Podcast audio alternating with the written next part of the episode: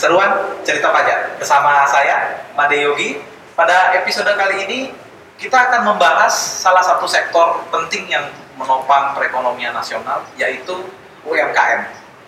Nah, sudah hadir eh, penelaah keberatan dan tim penyuluh perpajakan Kanwil DJP Bali selaku narasumber pada kesempatan kali ini yaitu Mas Rizky Agus Prabowo.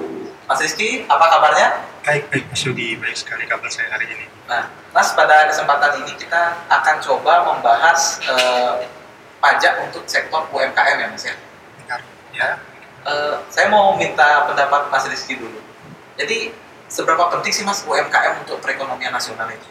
Jadi eh, menurut saya nih ya, UMKM itu sangat penting sekali bagi perekonomian Indonesia. Kenapa? Karena menurut data Kementerian UMKM atau Dinas Koperasi itu sekitar 64 juta pelaku usaha di Indonesia itu sekitar 64 jutaan itu merupakan UMKM. Seperti itu Mas Yogi. 64 juta ya Mas? Iya, benar. jumlah yang cukup besar ya Mas ya? Benar sekali. Itu jumlah dari dan lebih hebatnya lagi dari 64 juta itu itu menyumbang sekitar 61% dari PDB kita. Seperti itu Mas Yogi. Dari produk domestik bruto kita. Benar sekali Mas Yogi. Berarti eh, untuk yang semotor pajak ketahui hampir eh, mungkin lebih ya Mas ya? Lebih dari setengah dari PDB kita, produk domestik bruto kita itu disumbang oleh sektor UMKM. betul sekali Mas Yogi. Wah, kalau begitu memang pantas sih memang negara dan pemerintah itu sangat concern ya Mas, Iya, sangat eh, perhatian dengan sektor UMKM. Ya benar sekali Mas Yogi. Jadi di satu eh, dengan melihat yang potensi yang begitu besar dari UMKM tersebut itu merupakan tantangan tersendiri bagi negara kita Indonesia untuk bagaimana memaksimalkan, mengoptimalkan hal tersebut. Banyak kebijakan yang dikeluarkan oleh pemerintah dalam hal ini.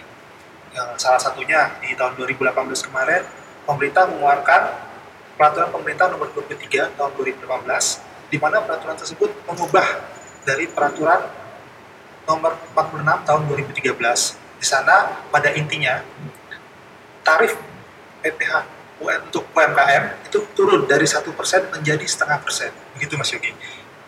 Terjadi penurunan tarif berarti ya Mas ya? Benar Mas Yogi. Jadi penurunan tarif tersebut dalam keluarnya PP 23 tersebut itu tujuannya yaitu untuk lebih memberikan rasa keadilan bagi pelaku UMKM terus menyederhanakan tarifnya tersebut dan kemudian dia lebih kepada untuk bagaimana meningkatkan peran serta atau kontribusi dari pelaku UMKM terhadap ekonomi formal di Indonesia seperti itu Mas Yogi. Oh, supaya lebih banyak lagi kontribusinya gitu ya? Benar Mas Yogi. Tapi lumayan besar juga ya Mas, dari satu persen menjadi setengah persen berarti dipotong 50 persen ya?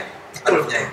Jadi itu bukan mungkin untuk menciptakan lebih ke kepada apa namanya itu Lebih adil aja lebih ya? adil ya, lebih mudah dan lebih adil bagi bagi pelaku usaha UMKM. Benar sekali. Mas, bicara kontribusi nih, kontribusi UMKM bagi perekonomian nasional, eh, berarti kita juga eh, melenceng sedikit, kita bicara tentang kontribusi pajaknya nih.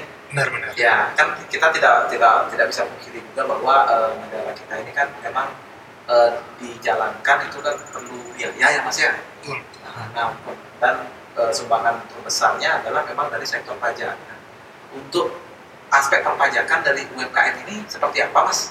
Nah, jadi begini Mas Yogi, Ya. sebelum kita masuk ke bagaimana cara aspek perpajakan bagaimana, kita harus lihat dulu bahwa setiap usaha itu begitu di UMKM, Ya. kita harapkan kita untuk mendak- melakukan pendaftaran diri untuk memiliki NPWP terlebih dahulu. Bagaimana untuk memiliki NPWP tersebut? Ya, dulu kita mungkin harus datang ke kantor pelayanan pajak terdekat atau kantor pelayanan pajak tempat wajib pajak tersebut tinggal. Ya. Tapi sekarang kita bisa melakukan pendaftaran secara online di situs atau website pajak.go.id. Di sana nanti ada menu pendaftaran NPWP. Di sana nanti ada petunjuk-petunjuk bagaimana cara melakukan pendaftaran NPWP seperti itu.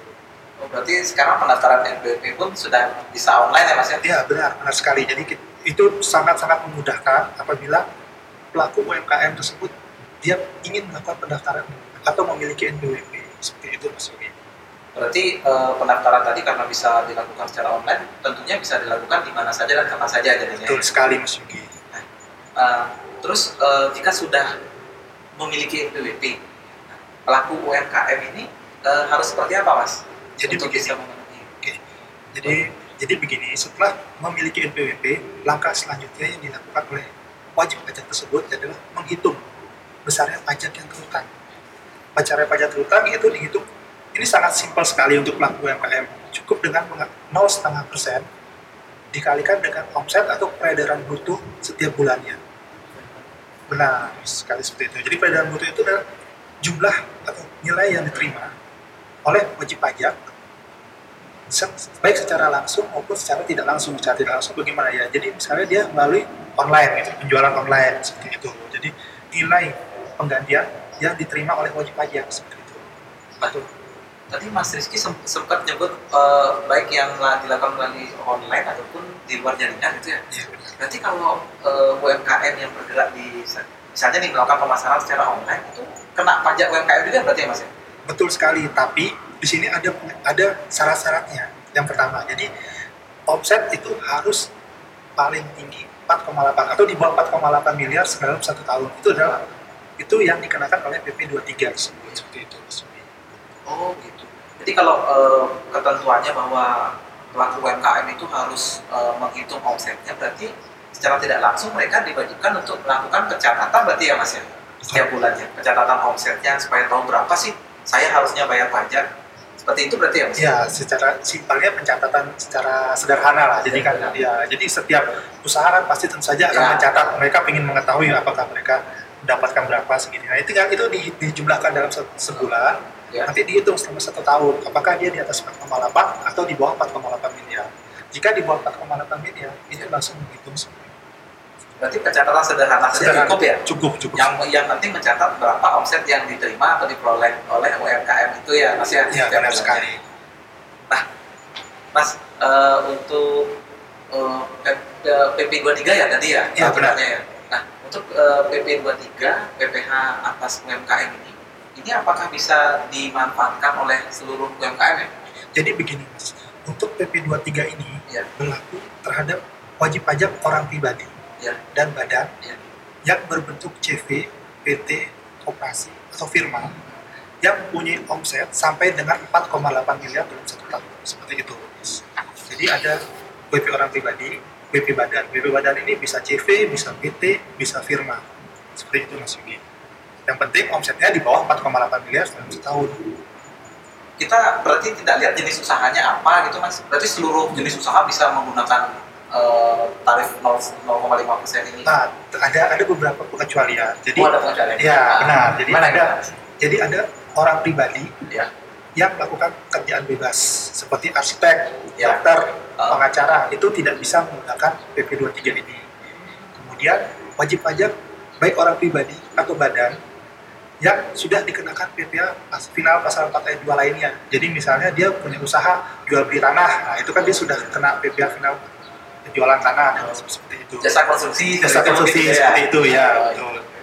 Oh berarti tidak tidak semua jenis usaha ya mas ya bisa Betul. dikenakan eh, PPh final UMKM ini ya? Betul. Ada lagi ada lagi dua Mas Yogi. Jadi yang, yang yang ketiga itu adalah tadi BUT bentuk usaha tetap. BUT. BUT bentuk Ya. usaha tetap itu dia tidak dikenakan PP 23 Dan tidak diperkenankan. dan, ya, dan penghasilan yang diper- yang tidak merupakan objek pajak itu juga tidak dikenakan PP 23. Oh, seperti, seperti warisan gitu Ya, seperti warisan. Tidak dikenakan pajak lagi. Benar, benar, benar. So, kalau dikenakan pajak lagi ya, ya sudah berapa? Nah, itu dia. nah, eh, berarti kalau misalkan nih ada semutan pajak yang eh, berprofesi sebagai dokter gitu mas, Ya, Eh, lalu membuka praktek, benar. benar. berarti eh, terhadap eh, subjek pajak tersebut berarti tidak tidak bisa dikenakan PP 2 eh, PPh final UMKM PP 23 ya berarti ya? Betul sekali Mas Yogi. Jadi di situ misalnya nih Ya. ada dokter, dia Ya. mempunyai usaha praktek. Ya. Tapi banyak juga dokter kan dia punya usaha lain seperti misalnya dia jual obat melalui apotek seperti itu. Nah, oh dipisahkan. misalnya dipisahkan. Oh, Jadi iya, dia iya, iya. memisahkan antara usaha dia sebagai pekerjaan bebas yaitu dokter dan usaha dia sebagai eh, penjual obat dalam apotek seperti Sebagai itu. wirausaha tadi Ya. berarti ya? Dipisahkan pengenaan pajaknya, tapi untuk perhitungan omset dalam setahun ya tetap dijadikan satu. Jadi misalnya penghasilan dokter tersebut se- setahun sebagai pekerjaan bebas dia sebagai dokter dia Ya. punya penghasilan sebesar 3 miliar. Ya. Kemudian sebagai penjual apotek dia kena 3 miliar, dia dapat penghasilan juga setahun 3 miliar. Jadi secara total 6 miliar. Jadi itu tidak tidak masuk dalam PP tiga. Oh, jadi begitu. Berarti secara kumulatif aja Ya, kumulatif secara di- kumulatif ya. untuk melihat syarat 4,8 M tadi ya. Benar sekali. Iya, Bang. Nah, kalau kita misalkan eh, sebagai wajib pajak pelaku usaha UMKM itu sudah sudah melakukan pencatatan yang yang baik ya Mas ya. Terus kita hitung per bulan. Sekarang masih setoran pajak bertanya Mas, gimana sih cara pembayarannya, penyetoran pajaknya seperti apa? Ya. Gimana ya Mas? Jadi pembayaran pajak sekarang itu menggunakan kode billing. Jadi ada di jadi eh, itu ada di billing. Ya, billing eh, kemudian kita datang ke Iya. jadi mengisi billing sesuai dengan akun atau sesuai dengan NPWP kita. Nanti di sana kita lakukan pembayaran di kantor pos atau eh, bank ataupun di market marketplace lain seperti Oh, itu. marketplace sudah bisa sekarang Sudah ya? bisa sekarang marketplace. Jadi, untuk pembuatan kode billing itu bisa dilakukan di mana?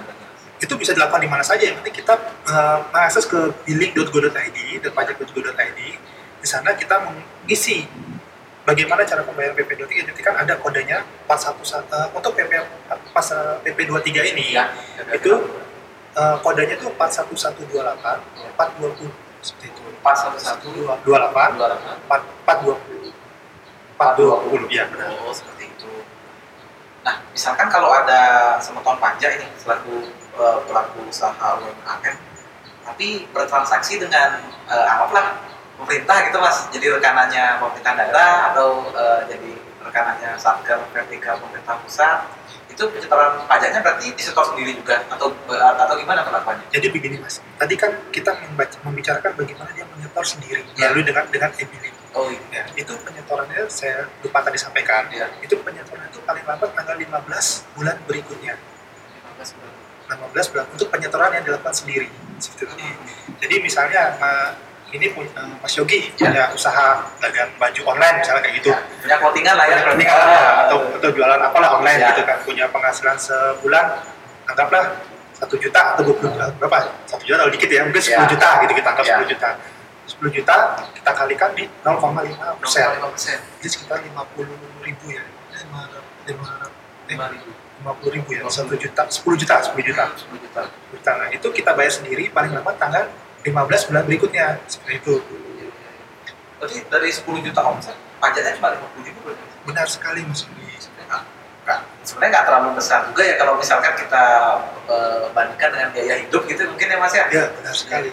Nah, kemudian lanjutkan dengan pertanyaan tadi ya, Ya, ya kalau- bagaimana kalau dia dipotong nah, atau atau dia punya transaksi dengan instansi pemerintah. Iya, instansi pemerintah. Kan gitu ya mas ya? Ya, jadi jadi kalau kalau dia UMKM yang mempunyai omset di bawah 4,8 miliar tersebut dia ber- bertransaksi dengan pemerintah, dia eh, apabila dia Ya. mempunyai surat keterangan yang eh, bahwa dia sudah dikenakan PPA final pasal 4 ayat 2 eh, tentang PP PP, PP 23 tersebut tadi, nah dia tuh dipotong sebesar tarif 0,5 persen tersebut oleh pemberi kerja dalam ini bendahara atau mungkin instansi instansi Pemerintah. pemerintah, tersebut jadi dipotong sebe- sebesar setengah persen itu disetorkan oleh eh, bendahara tersebut. Paling lambat tanggal 10 bulan berikutnya jadi bedanya di situ Berarti kalau kita melaksanakan usahanya sendiri, Ya. seperti itu, kita harus wajib menyetorkannya sendiri paling lambat tanggal 15 bulan berikutnya. Benar. Ya, Mas ya? Nah, dalam hal kita misalkan bertransaksi dengan eh, pemotong pajak, kan salah satunya yang paling sering itu kan rekanan ya mas ya. Ya, rekanan. Kita ke ke bendahara atau ke instansi pemerintah seperti itu. Jadi kita di- dipotong ya mas ya. dipotong oleh bendahara tersebut kemudian nanti awal oh, itu apa uang atau pajak yang dipotong tersebut disetorkan paling lambat tanggal 10 bulan berikutnya oleh bendahara. oleh bendaharanya jadi nanti di, di billingnya Hah? itu yang buat bendaharanya tapi NPWP dan namanya nama wajib Nama rekanannya, Nama gitu ya? ya benar sekali Tapi harus punya surat keterangan tadi. iya surat keterangan bahwa dia sudah dikenakan PPA final pasal pasal 4 ayat 2 PP 23 PP 23. Cara buatnya gimana mas? cara buat SSP-nya Cara buat eh, surat keterangannya. Nah, itu bisa datang ke kantor pajak di Ya. sana ada formulir untuk mengajukan permohonan seperti itu ada surat keterangan itu di sana Kalau online sudah bisa berarti sekarang ya? sudah bisa juga Sudah bisa juga ya ya? di pajak.go.id juga Berarti billingnya bisa di pajak.go.id, eh, surat keterangannya bisa bisa di benar sekali pajak.go.id ya? iya benar Berarti nah, nggak ada alasan sih harusnya semutan pajak untuk eh, kita tidak taat pajak ya. benar sekali Apalagi sudah sangat sederhana kan prosesnya sekarang dan sangat mudah diakses. Nah mas, kalau eh, kita sudah melaksanakan kewajiban semua tadi dari daftar, punya PWP kita oh, menghitung pajak dari kita sudah mencatat omset kita menghitung pajaknya setengah persen ya mas ya Ya, benar, lalu kita sudah melakukan penyetoran kan tanggal 15 bulan berikutnya Benar. kalau kita setor sendiri ya benar. untuk pelaporannya apakah eh, ada kewajiban lapor tiap bulan atau cukup eh, lapor sekali aja mas lapor eh, SPT tahunan aja Jadi begini, Mas. Iya. Ketika kita melakukan pembayaran KPH final pasal 42 PP 23 ini, Iya. jadi mungkin kita bilangnya PP 23 lah ya, ya, ya. lebih sederhana bisa sederhana ya. Kita bayar PP 23 ini, itu bisa dianggap sebagai pelaporan kita juga.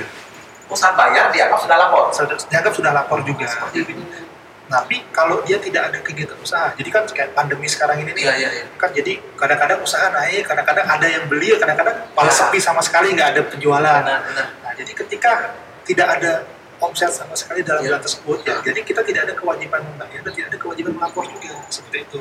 Jadi jika tidak ada omset atau tidak ada penjualan sama sekali nih mas, Ya. jadi usaha kita berhenti nih, kayak seperti kan banyak ya. Pak kita turut prihatin juga sih. Semoga cepat cepat pulih Ya. gitu ya mas ya.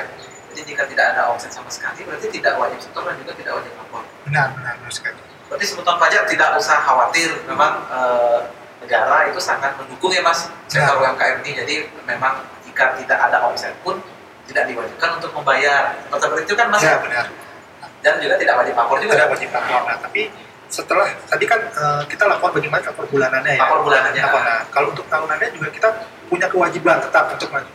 Walaupun bulanan tadi sudah dianggap sudah bayar berarti sudah lapor, tapi kita tetap wajib melaporkan rekapitulasi penghasilan kita selama satu tahun tersebut di SPT tahunan. Oh seperti Ya, itu. benar. Jadi untuk orang pribadi ya seperti biasa tiga Ya. bulan sejak akhir tahun pajak untuk orang untuk badan BNPT itu CV maupun firma itu Ya. paling lambat empat bulan setelah akhir tahun pajak. Selain tahun pajak. Ya benar. Karena kan akhir tahun pajak itu bisa beda-beda. Ada Oh, orang iya, yang benar, benar. bisa Januari sampai Desember, ada mungkin yang bisa Mei sampai dengan April tahun berikutnya. Jadi beda-beda. Ya.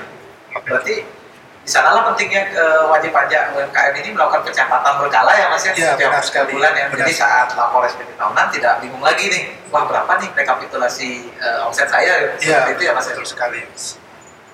Nah mas berarti eh, ini kan kalau kita dengar penjelasan mas Rizky tadi itu sebenarnya tidak susah ya mas ya untuk kewajib- pemenuhan kewajiban eh, pajak UMKM ini berarti ya mas ya secara keseluruhan. Iya benar sekali dari segi dari kita mulai mendaftar itu udah udah sangat terbantu sekali kita bisa mendaftar di mana saja kapan saja Online itu ya. secara online Iya. kemudian cara menghitungnya pun mudah Ya. cuman menghitung sebenarnya 0,5 persen dikalikan dengan omset setiap bulannya kalau tidak ada omset tidak ada kegiatan usaha ya Iya. tidak perlu bayar tidak perlu lapor lapor pun ya seperti tadi saya bilang setiap Iya. bulannya begitu sudah bayar Ya. dianggap sudah lapor Ya, betul. Ya, jadi sangat-sangat simpel sekali. Jadi ketika kita sudah bayar, sudah Ya. sudah gitu, nanti kita tinggal buat recover setiap tahun sekali untuk menghitung dalam SPT tahunannya. dilampirkan dalam laporan SPT tahunannya. Benar, seperti itu. Jadi sangat simpel-simpel sekali. Dan semua bisa dilakukan eh, tidak harus datang ke KPP ya mas ya. Benar sekali. Bisa dila- dilaksanakan Iya. secara online semua ya. Lapor tahunan pun sekarang kan sudah bisa dengan online. Jadi Iya. semuanya. Jadi dari daftar, Iya. bayar, lapor itu udah bisa online semua. Jadi kita tidak perlu repot-repot datang ke KPP dan Iya. sebagainya. Kita udah bisa di di, di rumah Iya. ataupun kita lagi nongkrong atau apa Ah. di tempat usaha kita segala macam itu bisa Iya. lapor lapor di sana seperti itu. Jadi dari daftar, hitung, setor, lapor bisa dilakukan di mana saja ya mas ya. Benar sekali Mas Yogi. Memang eh, sudah sangat fleksibel lah sekarang untuk masalah perpajakan ini ya mas ya. Iya, Nah, sekali. Eh, semeton pajak, bagi semeton pajak yang eh, masih memiliki pertanyaan lebih lanjut, mungkin bisa menghubungi eh, KPP terdaftar atau pelayanan pajak terdaftar ya mas ya. Ya benar. Eh, kita buka, kita masih buka konsultasi langsung kan mas ya? Masih masih, Masih buka. buka ya. Eh, cuma sebelum datang ke KPP, mohon untuk eh, mengambil nomor antrian di eh, kunjung.pajak.go.id. Nah, nanti untuk alamat KPP dan eh, website kunjung pajak kita akan sertakan di link deskripsi. Nah, mungkin demikian mas eh, bincang-bincang kita di podcast episode kali ini tentang UMKM. Eh, so, kami harap penjelasan tadi mampu eh, memberikan informasi ataupun mampu eh, membuat teman-teman semotor pajak Ki, yang eh, belum mungkin belum ada yang daftar gitu ya mas ya nggak belum melaporkannya dengan benar supaya berkontribusi lah seperti itu ya mas ya melaporkan dengan benar dan menyetorkan pajaknya. Nah, eh, sekian saya Madi Yogi dan Mas Rizky Agus Prabowo izin undur diri. Eh, terima kasih, sampai jumpa di podcast Keca Keseruan Cerita Pajak Kanwil DJP Bali episode berikutnya. Sampai jumpa.